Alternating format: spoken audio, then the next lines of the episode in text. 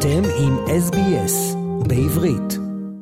Shalom Australia. An attacker crossed into Israel from Lebanon overnight between last Saturday and Sunday, made his way to Megiddo Junction 60 kilometers south and planted a bomb, which exploded on Monday morning, seriously wounding Sharif al-Din, 21, from the Arab village of Salem.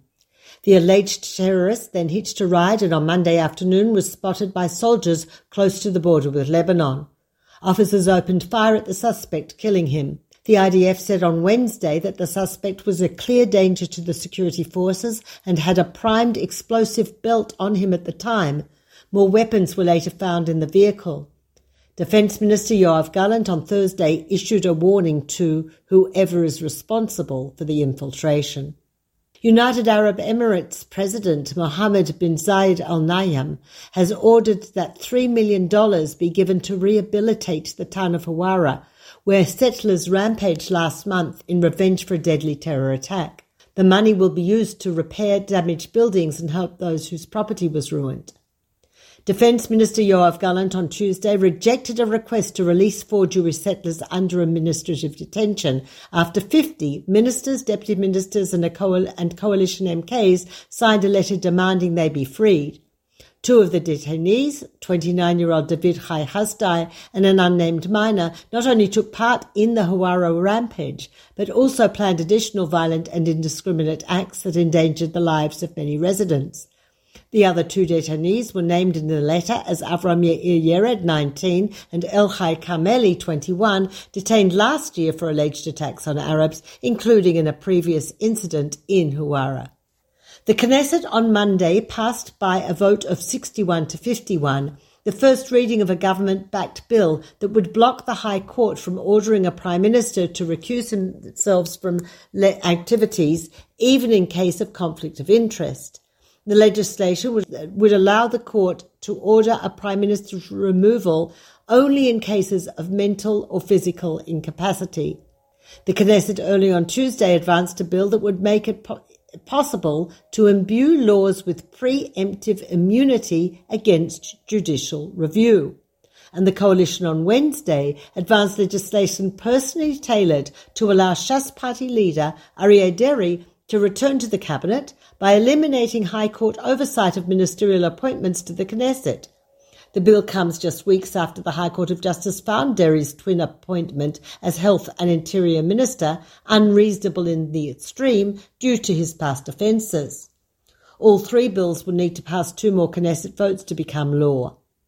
A delegation of more than 30 United States Jewish Federation leaders visited Israel for 24 hours between Tuesday and Wednesday to lobby against the government's planned overhaul of the judiciary. They met with government and opposition figures. The delegation's main focus was a proposal that would allow a simple majority of Knesset to override Supreme Court rulings. On Wednesday evening, President Yitzhak Herzog unveiled his People's Framework proposal, urging both sides in the debate over the judiciary not to destroy the country in a power struggle, but rather seize the opportunity for a formative constitutional moment. Within an hour of its debut, the framework for discussion was rejected by all coalition partners. Before boarding a flight to Berlin, Prime Minister Netanyahu said, Unfortunately, the things that the President proposes were not agreed upon by the coalition, and central elements of the proposal he made just perpetuate the existing situation and don't bring the necessary balance between the branches of government in Israel. This is the unfortunate truth. Opposition leaders expressed cautious approval for the framework as a basis for talks.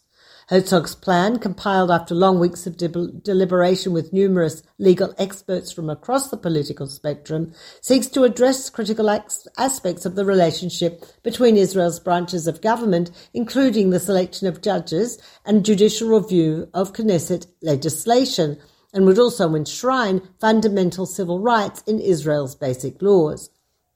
Organisers of the protests that have been going on for 11 weeks announced on Wednesday that tomorrow hundreds of thousands of Israelis will go out and protest. They said determined protest was the only chance to stop the regime coup. Protests began early on Thursday, with hundreds of thousands of Israelis taking part in a day of escalating resistance to dictatorship.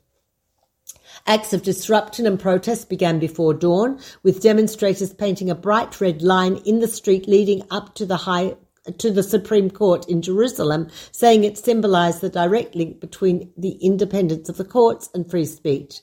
Police arrested five people for vandalizing public property. There were several arrests during the day, but particularly when protesters blocked major roads. But for the most part, the demonstrations of hundreds of thousands were peaceful. Prime Minister Benjamin Netanyahu said on Thursday, while in Berlin, that Israel is and will remain a liberal democracy. Standing alongside Germany, German Chancellor Olaf Scholz, Netanyahu argued that we will have the same balance that exists in any other democracy after the plan is implemented. Scholz said that Germany has been closely monitoring the ongoing debate and that as Israel's friend, we hope that the last word has not been spoken on President Herzog's alternate proposal, which Netanyahu rejected less than a day earlier.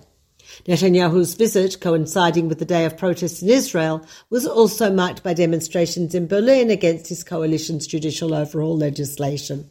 Hundreds of elite IDF reservists, officers and soldiers in the Military Intelligence's Special Operations Division and Cyber Warfare Units announced on Thursday that they would halt their volunteer service from today. Their statement said the pistol is pressed firmly to the bedrock of democracy and the trigger will soon be pulled. Clashes broke out yesterday between protesters, police, and residents of Kfar Uriah near Beit Shemesh, where National Security Minister Itamar Ben Gvir was spending Shabbat.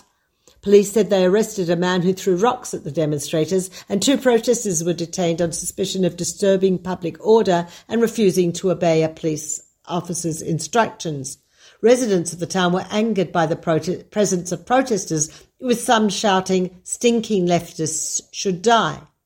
One focus of the demonstrators' chants was the Friday murder of 31 year old Daria Leitel, mother of three in Haifa. Where were you when Daria was murdered? The demonstrators shouted. Leitel, the fifth female homicide victim in Israel since the start of the year, had previously complained of threats for her husband, from her husband, for which he is currently being tried. Ben Gvir was heading the Ministerial Committee for Legislation last Sunday when it decided to delay by six months all discussion on a bill advanced by the previous coalition that would introduce electronic tracking of domestic violence offenders. Last night, thousands for the 11th week, tens of thousands, poured into the streets all over the country to protest against the government's proposed judicial overhaul.